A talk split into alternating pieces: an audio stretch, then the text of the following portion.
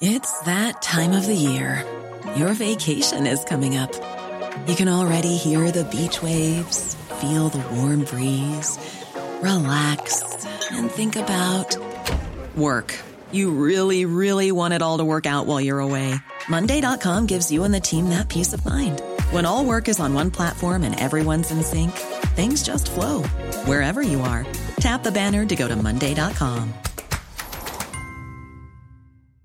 Hey, it's Ryan Reynolds, and I'm here with Keith, co star of my upcoming film, If, only in theaters, May 17th. Do you want to tell people the big news?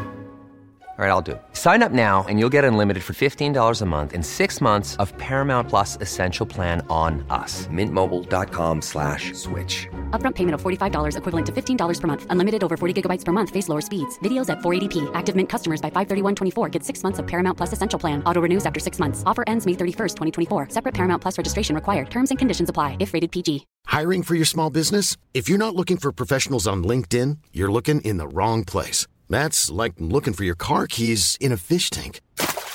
LinkedIn helps you hire professionals you can't find anywhere else, even those who aren't actively searching for a new job but might be open to the perfect role. In a given month, over 70% of LinkedIn users don't even visit other leading job sites. So start looking in the right place. With LinkedIn, you can hire professionals like a professional. Post your free job on linkedin.com slash people today. Julen er der det der med 1, 2, 3 hyg. Vi skal ligesom hjem, og alle, og vi samles, og det er som regel også hyggeligt, men jeg synes jo noget af det hyggeligste tit opstår lidt mere uplanlagt. Så mere end hjerternes fest, så er det måske i virkeligheden forventningernes Det fest. synes jeg i hvert fald i høj grad, det er. Ja. Julen. I både jul og nytår. Kender I det? Ja, ja. Ja. Det tror jeg, de fleste gør. Gør, man ikke, gør, gør vi ikke alle sammen det? ja. Jeg kan stoler ikke på nogen, der, der ikke kender det.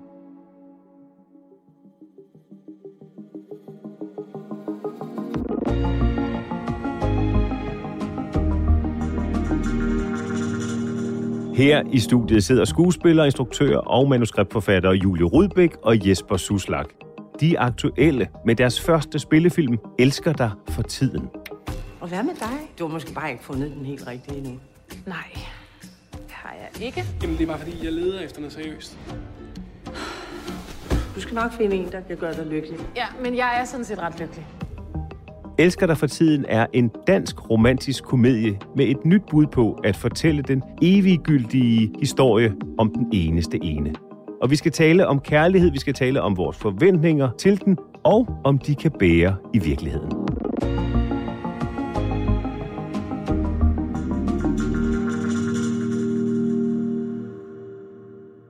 Og lad os begynde med de romantiske komedier. Romcoms, som de også kaldes, som julen jo er fuld af. Julie, hvad er din yndlings romcom? Åh, oh, jeg synes, det er svært at sige en, øh, fordi der, er der har jo været mange, mange gode klassikere, og som du siger, der bliver sendt her i julen. Jeg vil sige, jeg kan pege på en dansk, som har gjort stort indtryk på mig. Det var den ene sten.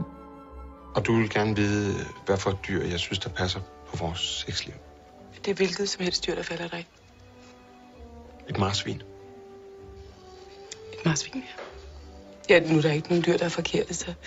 Men hvorfor er det lige netop et marsvin? Ja, fordi, fordi det er ikke noget dårligt dyr. Den husker jeg bare som...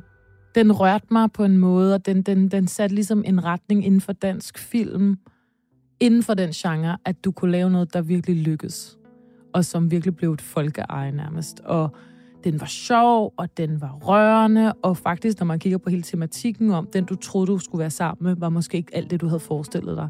Det var noget andet. Den er jo ret fin. Så den banede ligesom vej for, okay, danskerne kan også lave sådan nogle her slags film, og lykkes med det.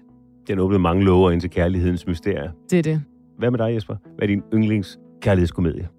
Jeg tror, apropos øh, jul, at det er Love Actually, som jeg også er sådan en, der vender tilbage hvert år. Well, listen, why don't I um, give you a lift and then we can talk about this state business business in the car? Okay. Hugh Grant. Øh, ja, blandt andre. Blandt andre, blandt ja. i et stort, det er jo en ensemblefilm, og det er også det, jeg elsker den for, fordi den også kommer med i hvert fald sådan 10 historiespor med forskellige eksempler på, øh, på kærlighedshistorier, hvor det bestemt ikke er dem alle sammen, der går godt. Så den er ikke pladerromantisk, den er også benhård nogle gange. Den handler også om utroskab og familier, der falder fra hinanden. Ulykkelige forelskelser, som aldrig bliver til noget, men to, der lige når at se hinanden i øjnene og sige, vi ved det godt begge to, men det kan ikke blive til noget. Du ved, det er ikke klassisk, det er ikke lyserødt hele vejen igennem. Det kan jeg vildt godt lide, og det er også det, vi gerne vil med vores film. Og som vi snakker om her, listen over romantiske komedier, særligt dem, man ser, vi ser i julen, er alen lang. Når jeg ser de kærlighedskomedier, så har jeg en oplevelse af, at der er en meget klar skabelon. Mm. De er skåret på en eller anden måde over den samme grundfortælling. Mm. Ja. Mm. Oplever du også det, Julie? Ja, med de fleste. Nu synes jeg så, der er kommet nogle mere moderne, inklusive vores, som, som også kan noget andet. Hvad er grundskabelonen? Jamen, det er jo ofte boy meets girl. Jeg hedder Thomas. Jeg hedder Anna. Anna? Mm. Anna, det var bare fordi, øh, jeg synes, du ser virkelig sød ud, og så tænkte jeg på, om du måske havde lyst til at gå på en date en dag. Øhm, sødt af dig at spørge, men jeg takker pænt nej tak. Okay. Mm. Okay, ja. Ja.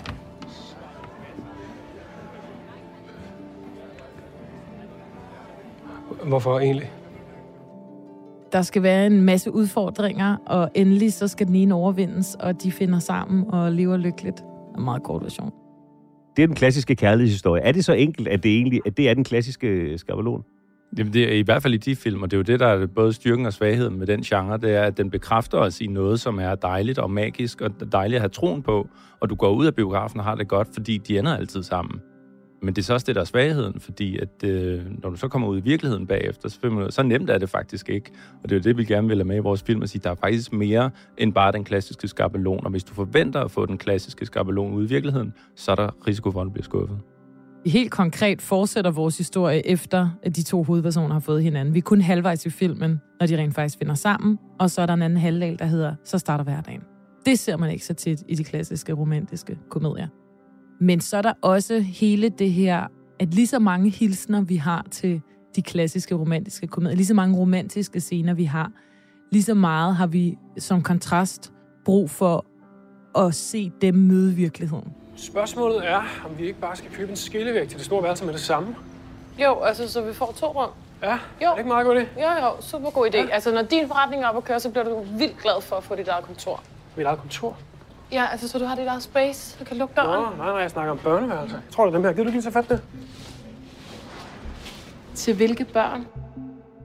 Og det var ligesom det, vi gerne ville med den film, fordi de skulle afspejle vores høje forventninger til kærlighed, for de er der stadig, også i 2022. Men det virker lidt som om, at samfundet har rykket sig over et sted, hvor at vi ikke helt længere er indrettet til den her tosomhed og det her ægteskab og den her evige kærlighed. Og det der er en interessant kompleksitet i, at forventningerne er der stadig, men, men det virker som om, vi har svære og svære ved at gå på kompromis og blive i det lange forhold. Og det bliver ikke mindre smukt af det. Altså, vi synes jo også, at den anden del af historien, som er, når hverdagen rammer, konflikterne kommer, kompromiserne bliver afgørende for, om man kan øh, dele livet sammen. Det er jo også smukt. Altså, hvordan gør man det? Hvordan deler du dit liv sammen med et andet menneske? Det er bare øh, ikke på den romantiske måde smukt, men det er jo stadigvæk en, en god historie om to mennesker, der skal finde ud af at leve sammen. Og det er jo ikke mindst den vigtige historie også, fordi det er den, der afgør, om parforholdet bliver til noget eller ej på den lange bane. Og Julie, du var inde på det før, at øh, I ser også nogle tendenser i måden, vi mand er kærester på, dyrker parforhold og kærlighed på i dag. Nogle mønstre, som er nye i forhold til, hvordan de har været tidligere. Der er nogle opbrud i den måde, vi relaterer til hinanden øh, på, og at I med filmen har et ønske om at visualisere dem, fortælle dem, illustrere dem. Hvad er det, I ser, der sker på kærlighedsscenen? Jamen, helt overordnet tematisk for filmen var det jo øh, rigtig meget de her høje forventninger, som de romantiske komedier netop er med til at skabe hos os mennesker. Det er det, vi vokser op med, det er det, vi har set, det er det, vi er blevet u- ubevidst påvirket af. Det er sådan, kærligheden skal føles. Når de rammer virkeligheden, så er der øh, en vis form for skuffelse og forvirring omkring, hvorfor føles det ikke, som jeg troede. Det var vi bare meget interesseret for start af. Det var det, vi ville lave en film om. Der indeholdt begge dele. Øh, fordi vi netop mener, både når vi kigger på vores omgangskreds, når vi dem, vi har researchet hos parterapeut Jytte Vigelsø, præster, vi har været at snakke med, at der er et slags paradigmeskift i samfundet nu omkring synet på parforhold og ægteskab, ikke mindst. Altså, vi ved alle sammen, at 50 procent af alle ægteskaber går i opløsning. Der har aldrig levet flere singler. Vi mærker det selv i vores eget liv, og vi kan jo også se på tallene og, og, og debatter i kronikker, at der er meget med at tale om det, fordi samfundet ændrer sig. Der er kommet flere muligheder, der er kommet flere måder at gøre ting på, som jo tror den her tosomhed. Og det her, det er jo ikke længere et must at være et parforhold eller et ægteskab. Det er tilvalg. Og det er der et interessant clinch med, når vi stadig har drømmene om det. At, at de to, øh, den kompleksitet er interessant, ikke? Og derfor netop blev en romantisk komedie, som er med til at påvirke os i den retning. Kan man sige det på den måde, at den klassiske kærlighedsskabelonfortælling, det er, dreng møder pige, de bliver forelsket, og de får hinanden, som du sagde øh, tidligere, Jesper. Den nye fortælling, det er, dreng møder pige, de får hinanden, og så går de igen fra hinanden. Og så kommer ja. der en ny, en Eller så kan de vælge at blive, eller de kan vælge at gå. De kan også vælge at gøre den anden til den ene sten, men de kan også vælge at finde en ny og gøre det. Sådan lidt mere, at det, det er jo faktisk i sidste ende dit eget valg, om du vil gøre det. Og det er blevet nemmere at gå videre, ikke? Mm. fordi at der er bare flere muligheder i dag. Vi, bliver, vi møder flere mennesker i dag. Øh, især i de store byer er, er folk bare singler i længere tid. Øh, vi har øh, apps til at finde kærligheden, så man altid kan finde den næste. Det er klart, hvis du bor i en landsby, hvor der kun er sådan to-tre jævnaldrende fra det modsatte køn, hvis du er til det, så er der ikke så meget at snakke om. Hvor i dag er der rigtig meget at snakke om, og det er det, folk gør. Folk taler rigtig meget om kærlighed og parforholdet, og ser ud til at have svært ved at få det til at lande. Og vi vil ikke sådan pege på, at der er noget galt i det nødvendigvis, for det kan jo godt være en god ting, fordi det betyder, at der stadigvæk er forventninger til parforholdet. Men hvorfor er det, at det er svært i dag? Hvorfor er det sværere i dag? Det er det, vi gerne vil snakke om med filmen. Og nu skal vi ikke nødvendigvis helt ind i jeres, eller vi skal ikke ind i jeres private sovekammer og den slags, men jeg er bare nysgerrig efter dig først, Jesper. Hvad er det i din, i det omfang, du har lyst til at dele din personlige erfaring, der gør, at du tænker, tiden kalder på, at vi gør op med den traditionelle kærlighedsskabelon eller glansbilledforestilling om, hvordan et parforhold er? Hvis vi skal prøve at gå lidt personligt til det, så er det mine egne overvejelser omkring, hvad er det for nogle forventninger, jeg har til parforholdet, og hvor kommer de egentlig fra? Øh, kommer de fra samfundet, at det er sådan, samfundet forventer, at jeg skal leve? Er det, fordi jeg er vokset op i en kernefamilie og bare har lyst til at genskabe det? Eller er det mig selv, der, der bare simpelthen har lyst til at dele mit liv med en anden for evigt? Og hvad er svaret? Jamen, det øh, er jeg stadigvæk i gang med at finde ud af, tror jeg. Og jeg tror også, jeg er i gang med at finjustere mine forventninger til, hvad det er. Fordi at jeg kan mærke den splittelse, øh, som vores to hovedkarakterer også har i filmen.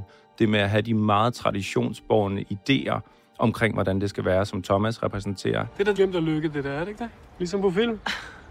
Nå ja, skal vi lige snakke lidt om din meget imponerende DVD-samling romantiske 90 komedier? det kan vi da godt snakke om. Ja?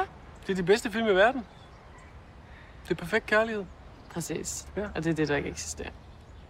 Det tror jeg, det gør. Han skal bare have et hus og en kone og nogle børn, og det har han et meget klart billede af, hvordan det skal se ud. Og når man så opnår det, så var det ikke helt, som han forventede. Og så har vi Anna, som lige har lidt mere karriere, hun også lige gerne vil fokusere på, og måske ikke har lyst til at blive boende der for evigt. Hun er lidt mere sådan, der skal hele tiden ske noget nyt, lidt mindre klar til at gå, øh, til at låse sig fast i noget.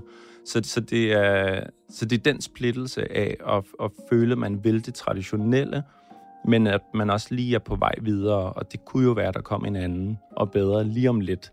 Så tør jeg sige, nu er det nu. Nu er det for evigt. Når du kigger på dig selv, hvilken kraft er stærkest i dig? Hvor er det de stærkeste, mest kraftfulde forventninger kommer fra? Øh, jeg tror, de kommer fra mig selv, men de er dannet af delvis samfundet, og nok rigtig meget min egen opvækst. Og hvad kræver det at gøre sig, hvad kræver det for dig at gøre dig fri af dem? Det er jeg ikke sikker på, at jeg vil. Det er ikke sikker på, at, at det er ikke, fordi jeg føler, at der er noget, der er blevet tvunget ned over. Og det er det, der er den interessante snak. Sådan, hvornår er det mig selv, der egentlig vil det, og hvornår er det det, jeg tror, jeg vil have?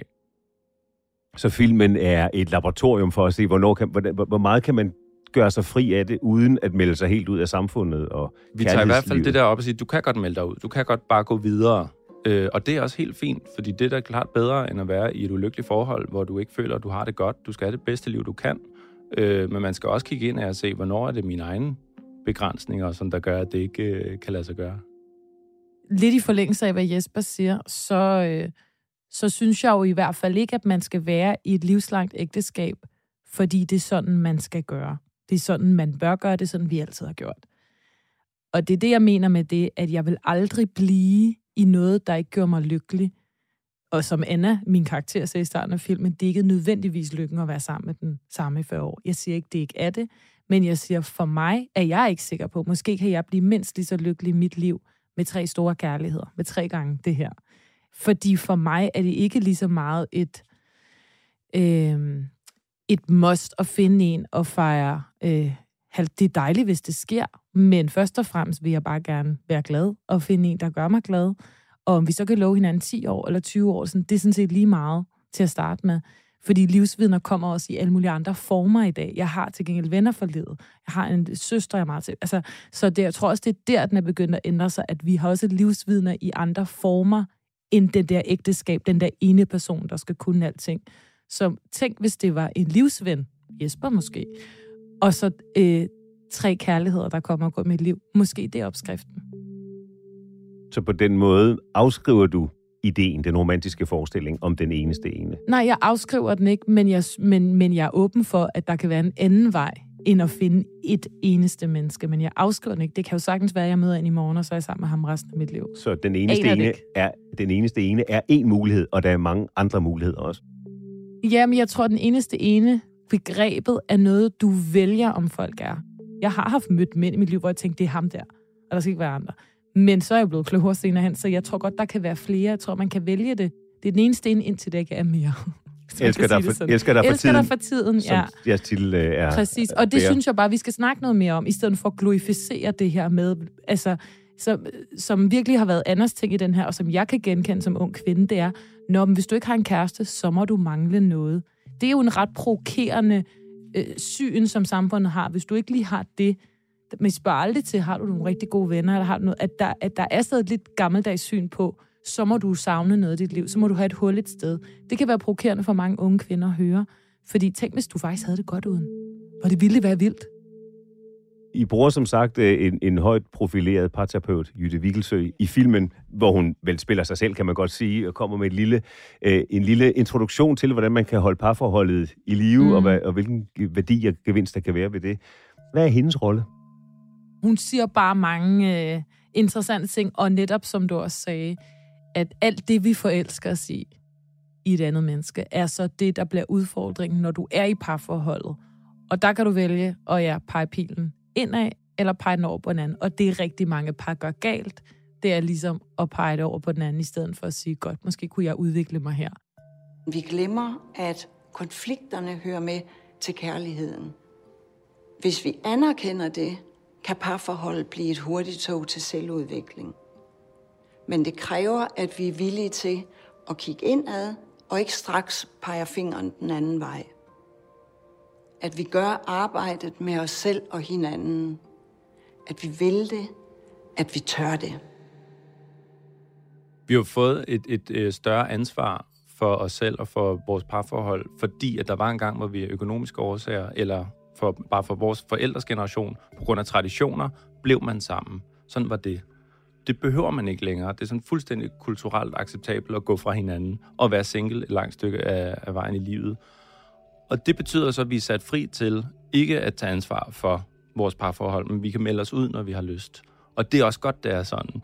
Men spørgsmålet er, om det også er blevet lidt for nemt, og om vi ikke er helt klar til at øh, tage ansvar for parforholdet på den måde, som det kræver, når, når man bare kan hoppe videre, så skal du blive her nu, og så skal du lave det hårde arbejde, og så skal du til at gå på kompromis, og så skal du til at tage det sure med det søde her i livet.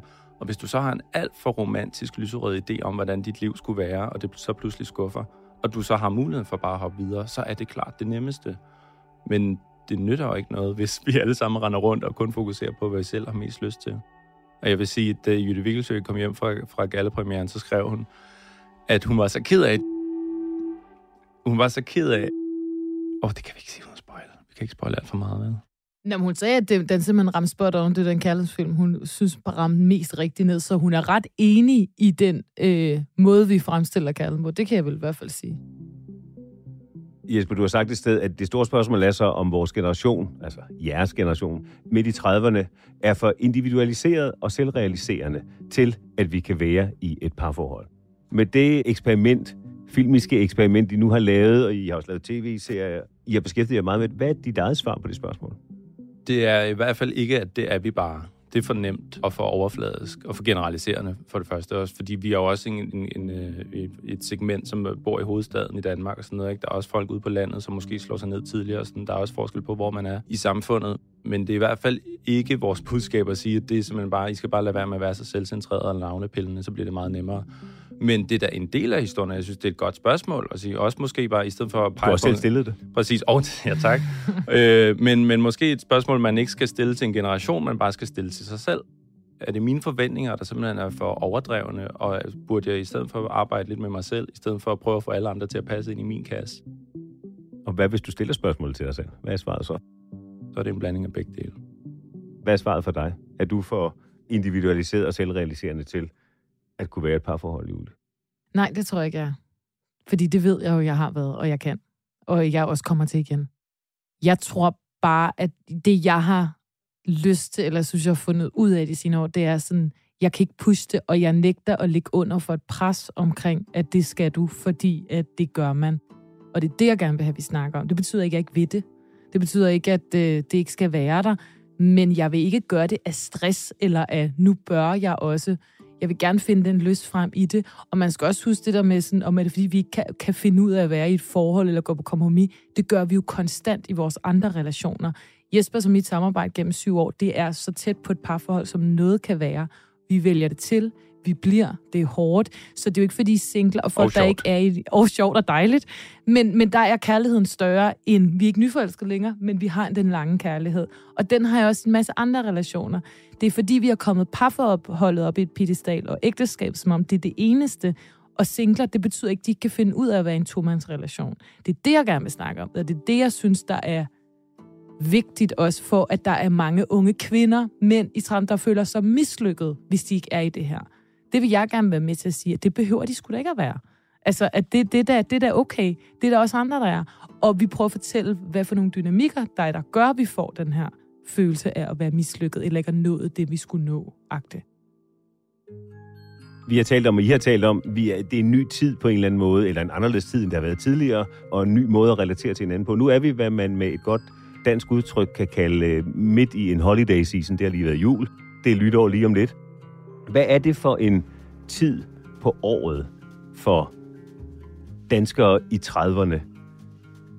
Vi, vi, Alle aldre måske, Ja, faktisk. men, men nu til, mener jeg stadigvæk Ja. ja. særligt øh, folk i 30'erne, fordi det er dem, I på en eller anden måde Ja, i 20'erne. repræsenterer. Ja. Mm. Jeg vil sige, altså alle de her, alt det, vi snakker om, jeg tror jo, at både folk i 20'erne, 40'erne og 50'erne kan genkende det her. Jeg tror ikke kun det er folk i 30'erne. Jeg måtte også flere gange undervejs uh, tage mig i og sige, øh, øh, føle mig ramt af noget ja. af det, der skete i filmen. Så det, og jeg er 51, så... Du skal også hjem og snakke med konen. øh, vi snakker sammen allerede. Nå, det er godt. gjort Det er dejligt at høre. Det er derfor, I er sammen stadig. Øh, præcis. Øh, hvad kendetegner særligt den her tid for dem, I taler til med jeres film? Altså, det er jo sådan en, en øh, gør status-tid, hvor, hvor tingene bliver sat lidt på spidsen. Vi snakker om det der med, at, at i julen bliver du mindet om, at du ikke har, har partner og børn, hvor det kan give en lille tristesse. Og til nytår, der bliver du mindet om, at du ikke har børn, og der er det pisse dejligt. Så det, er- så det er sådan øh, både, både plus og minus øh, ved det, men du bliver i hvert fald mindet om, hvor du er i livet, kan man sige. Det er der, jeg tror, folk gør status på hjemmefronten. Også hvis man er mega ensom. Det var, man har også hørt om, hvor mange der er ensomme i julen. At det bliver meget tydeligt for folk i de her højtider, hvordan det ser ud på hjemmefronten, på godt og ondt. Ikke? Og der er høje forventninger i den her tid også. Altså til, til alt og alle. Og det skal spille, og vi skal bare hygge os. Og nytårsaften skal være episk, og den har vi også høje forventninger til. Som ligesom med høje forventninger til kærligheden, så synes jeg også, at, øh, at øh, jo høje forventninger, jo større øh, chance er der for at, at blive, blive skuffet, skuffet. over. Og det er, det, jamen, det er der jo. Og der, der er julen jo tydelig omkring det, ikke? Ja, og fordi julen er det jo også forskellige generationer, der mødes, og at det ikke sikkert lige ens mormor forstår, at det øh, gør ikke noget, hvis du er 30 år og ikke har en kæreste, fordi, men da hun var ung, der havde man da fundet en, når man var 22. Så der er jo også generationer, der mødes og skal forstå hinanden.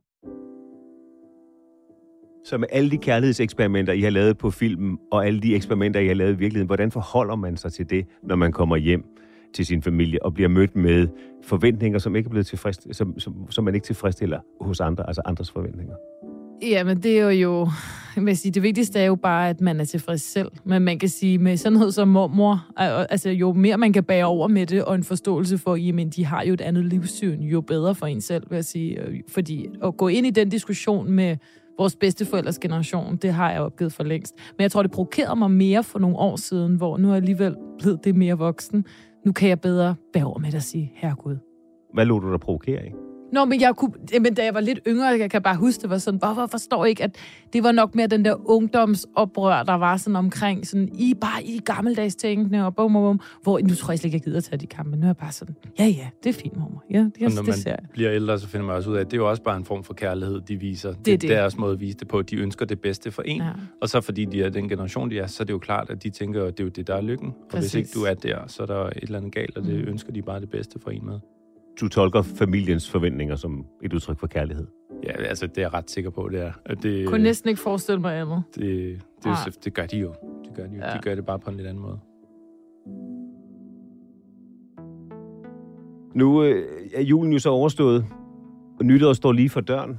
For nogen er det en anledning til at gøre status over året, der er gået, og for andre, og måske også nogle gange de samme, er det en anledning til at lave et forsæt for året, der kommer. Nytårsfortsæt. Har du sådan et øh, nytårsfortsæt, Jesper? Nej, det har jeg aldrig haft. Er det rigigt? Ja, det har jeg aldrig. Så jeg har aldrig sådan konkretiseret 2023 mig. kommer bare til at ske. Nej, men, men jeg kommer til at go with the flow, bare nu vi er de engelske udtryk. Øh, Give myself a break.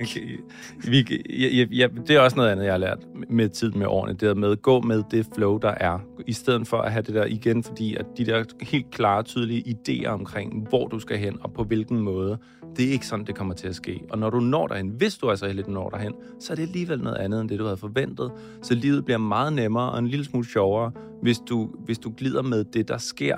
Altså, og det er ikke, fordi man skal slippe rettet fuldstændig og lukke øjnene, men det er bare at, at, at tage imod de gaver, som livet kommer med. Og det gælder også både arbejdsmæssigt og kærlighedsmæssigt, at i stedet for at stå den 31. december og sige, det bliver sådan her, og det skal være inden 1. marts, så måske bare lige se, hvad der sker i starten af januar, og så gå lidt med det. Bare lige også tilbage til, hvad man har lært, og det vi jo også startede med at snakke om med de høje forventninger, at netop måske kan det være, hvis du ikke bliver ved med at planlægge og have høje forventninger til, hvornår noget skal ske og hvordan det skal være, altså så du kunne blive positivt overrasket over tingene generelt mere. At fordi nu har vi alligevel levet 35 år, man ved, jamen hvad er det, der har været de største glæder? Det er ikke dem, vi har planlagt eller besluttet os for. Det er det, der kom ind fra sidelinjen. Mm. Og det er jo virkelig også det fede ved livet. Fordi så kan virkeligheden faktisk ende med at imponere og være endnu bedre, end det du forventede. Tak for en rigtig hø- højtidssamtale. Det var en Ja. fornøjelse at have på besøg, Julie Ja, har du et nytårsforsæt? Øhm, jeg har mange nytårsfortsæt. Øh, først og fremmest er det at have mere tid til mine børn. Mm. Øhm, men jeg er meget på samme linje, som, øh, som du er egentlig, Jesper, med, at øh, øh, et godt fortsæt er at fortsætte øh, vokslap. Hmm. Mm. Så øh, Man har heller ikke rigtig noget valg. god fornøjelse med Give Yourself a Break i 2023. Jo, tak. øh, tillykke med filmen, skal og godt nytår. Tak, og Tak, lige meget. Manuskriptforfatter og instruktør Mathias Bundgaard. Lyd og lys Ida Skærk. Producent Astrid Louise Jensen. Jeg hedder Thomas Bug Andersen. Må du komme godt ind i det nye år.